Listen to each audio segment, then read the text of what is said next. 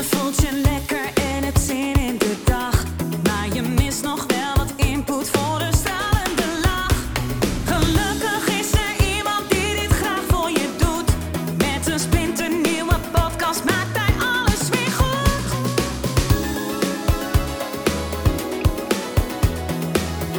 Maak weer eventjes vrij voor Edwin Selij. Het oplichtersyndroom. Ken je dat? Misschien heb je er wel last van. Laatst had ik een sessie eh, met iemand en die had daar last van. Super slim, super slim. Niemand in de familie was zo slim. Eh, maar zij vond zichzelf een oplichter. Ehm, nou ja, een oplichter niet in de zin van het woord dat ze letterlijk natuurlijk mensen oplicht. Maar het oplichtersyndroom is meer van, ja, wat als ze erachter komen dat ik eigenlijk helemaal niet zo slim ben? Eh, dat ik eigenlijk helemaal niet zo goed ben. Dat ik eigenlijk puntje, puntje, puntje ben. Ja, iemand anders ben dan zij denken. Eh, en dat is het oplichterssyndroom. En dat je dus eh, ergens bijvoorbeeld misschien wel heel erg goed in bent, maar jij vindt van niet. De hele buitenwereld wel, maar jij vindt van niet. En ja, je wacht gewoon tot het moment dat de hele buitenwereld erachter komt, ja, dat het klopt wat jij denkt. Maar waarschijnlijk is het precies andersom. En de hele buitenwereld ziet al eh, wie jij bent. Hè, of wat je kan. Hè, dat is misschien beter. Hè, wat je kan. Eh, alleen jij, jij hebt dat gewoon niet door. Jij, jij ziet dat gewoon niet. Ja, en dan ga je bewijzen. Ja, dan ga je bewijzen eh, dat je geen eh, oplichter bent. En dat kan je natuurlijk heel ver brengen. Want zo is het ook weer.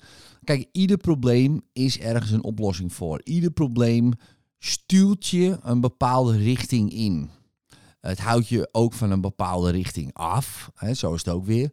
Maar het duwt je ook een bepaalde richting in. Meestal niet per se ehm, een lekkere richting. Tenminste, het eindstation is meestal klachten. Eh, in welke vorm dan ook. Maar in het begin kan het je veel brengen. eh, veel bereiken.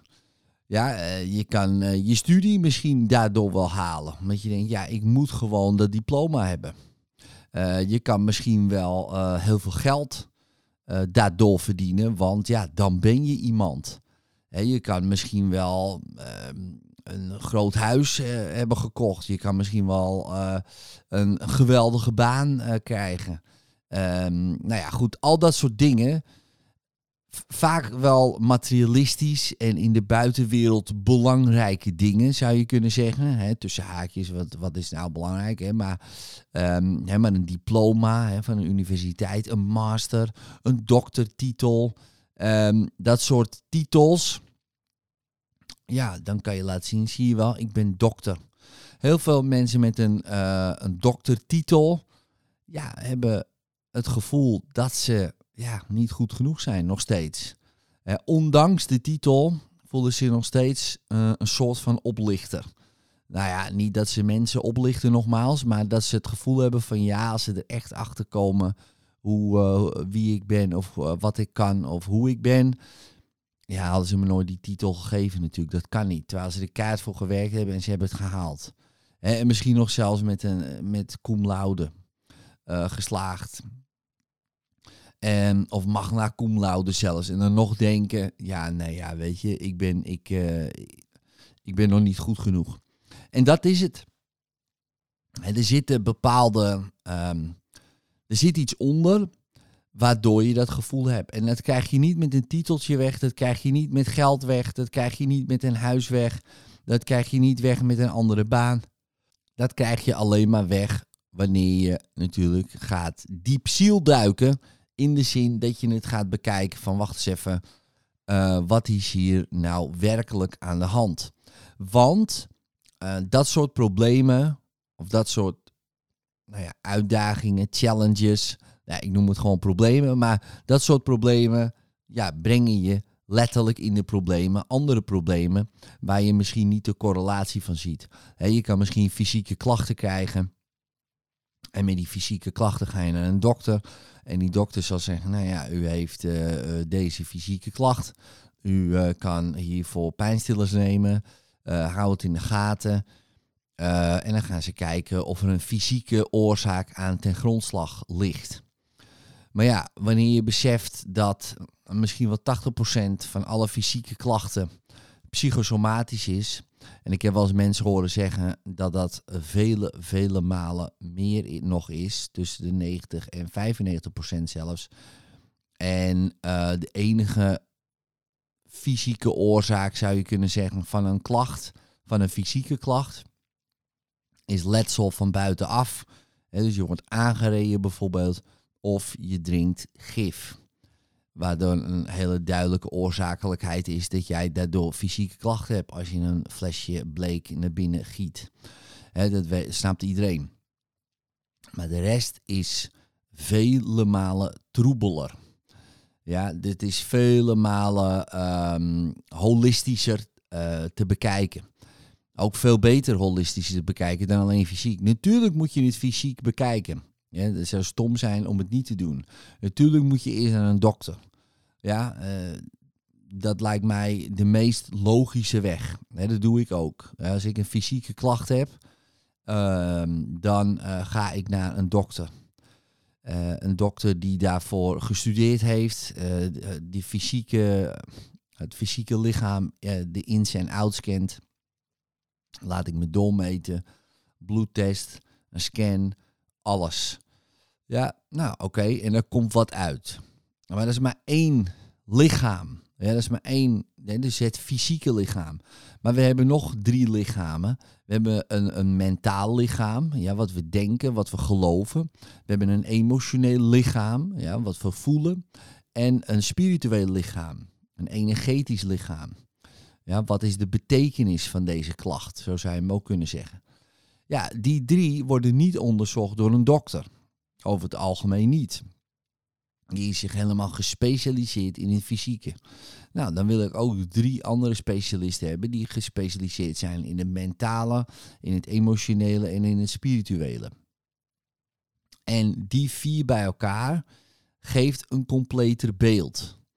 Die vier bij elkaar um, zorgen voor het juiste plaatje, zo gezegd. Voor het juiste idee, het juiste behandelplan.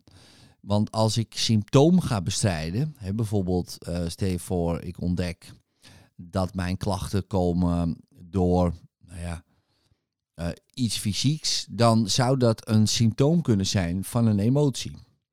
Uh, die ik heel lang wegstop, bijvoorbeeld.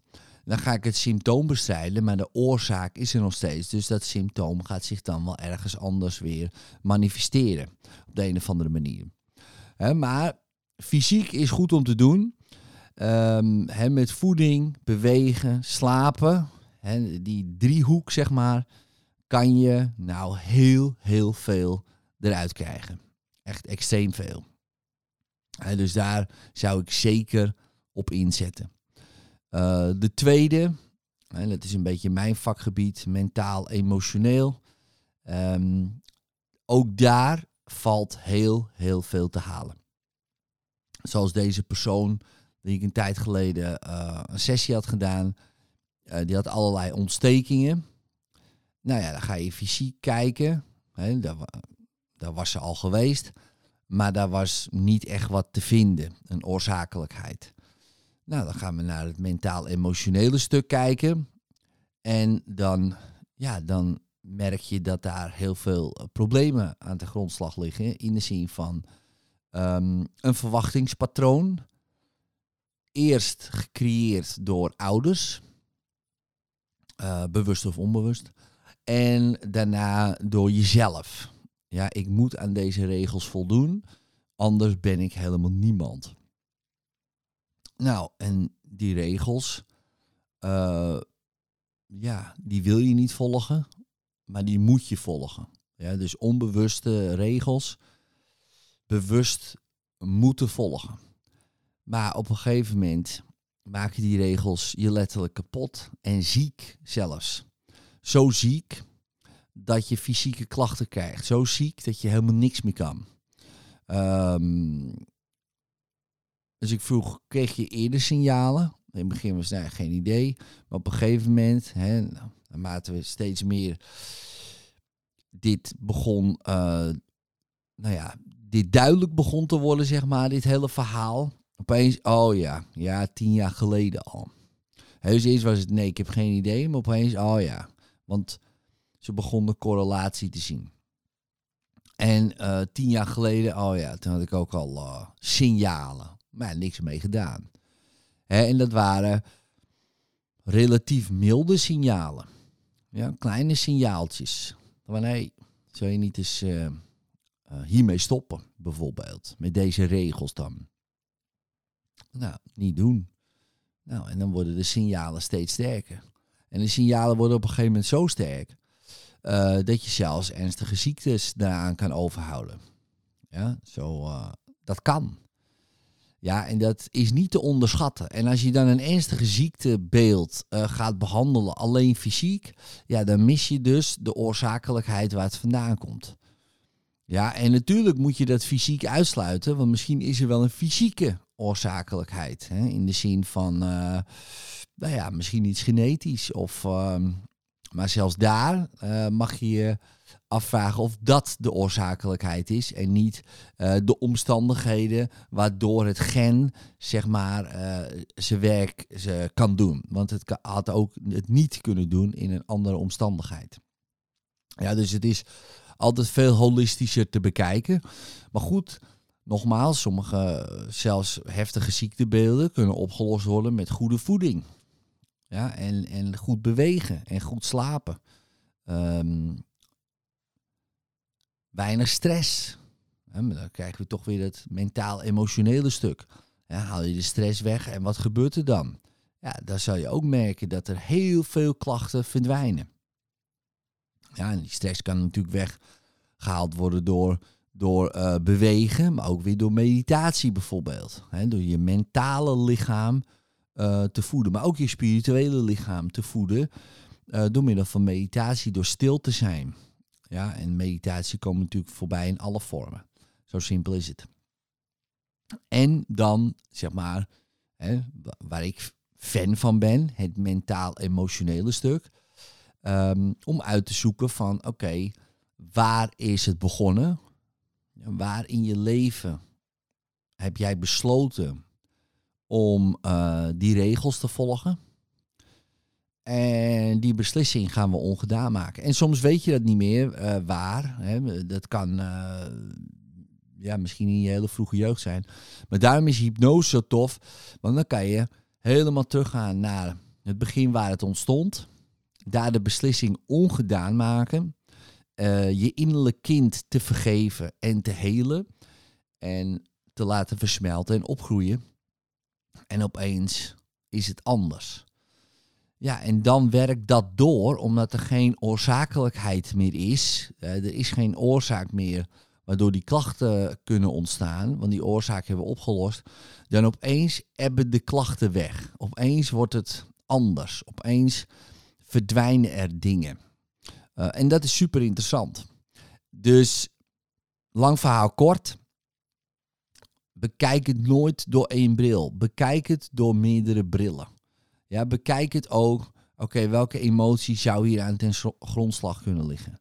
Welke, welk idee, welke overtuiging helpt mij gewoon niet meer? Ja, wat is de betekenis van deze klacht? Waarom zit het op die plek en niet op een andere plek? Stel je voor, uh, het zit in je buik. Nou, dan heeft dat vaak te maken met het verteren van. Hè, darmen, het verteren van de zetel van emoties ook, je buik. Maar va vaak is dat verwerken van. Hart is liefde. als het in je borst zit, borst is meer zorgen voor en liefde. Nou goed, dat, dat zijn dus andere plekken. en als daar klachten ontstaan, ja, eh, bekijk dat eens goed van, hé, hey, wacht eens even, zorg ik wel goed voor mezelf? Of uh, wat wil mijn hart aan mij vertellen? En het klinkt heel gek natuurlijk, van ja, maar mijn hart praat niet. Maar luister maar eens, weet je wel. En dan krijg je opeens misschien wat door. Zo van, ja, eh, je zou eens een keer dit moeten doen of dat moeten doen. En doe dat dan ook. Of test het uit gewoon. Nou, en dat zijn hele interessante dingen om, uh, om te onderzoeken. Nou, kom je er zelf niet uit, om wat voor reden ook. Ga dan, eh, zoek dan iemand op. Bestetherapeut.nl is daar een hele goede voor. Om een therapeut eh, te vinden die bij jou past. eh, en bij jou in de buurt is. Eh, dus dat ehm, is een goede. Ja, en anders eh, ga naar komuithypnose.nl om, eh, om daar natuurlijk ja, jezelf het te leren. Dit soort dingen. Want ja, dat is goud. Want als je dit kan, ja, dan eh, maakt het je leven toch net even een stuk makkelijker. En dat, dat gun ik iedereen. Nou goed, dit was mijn wend. Als je het tof vindt, zou ik het ook tof vinden als je je abonneert en een review achterlaat natuurlijk. Nou goed, maak er een mooie dag van. Later.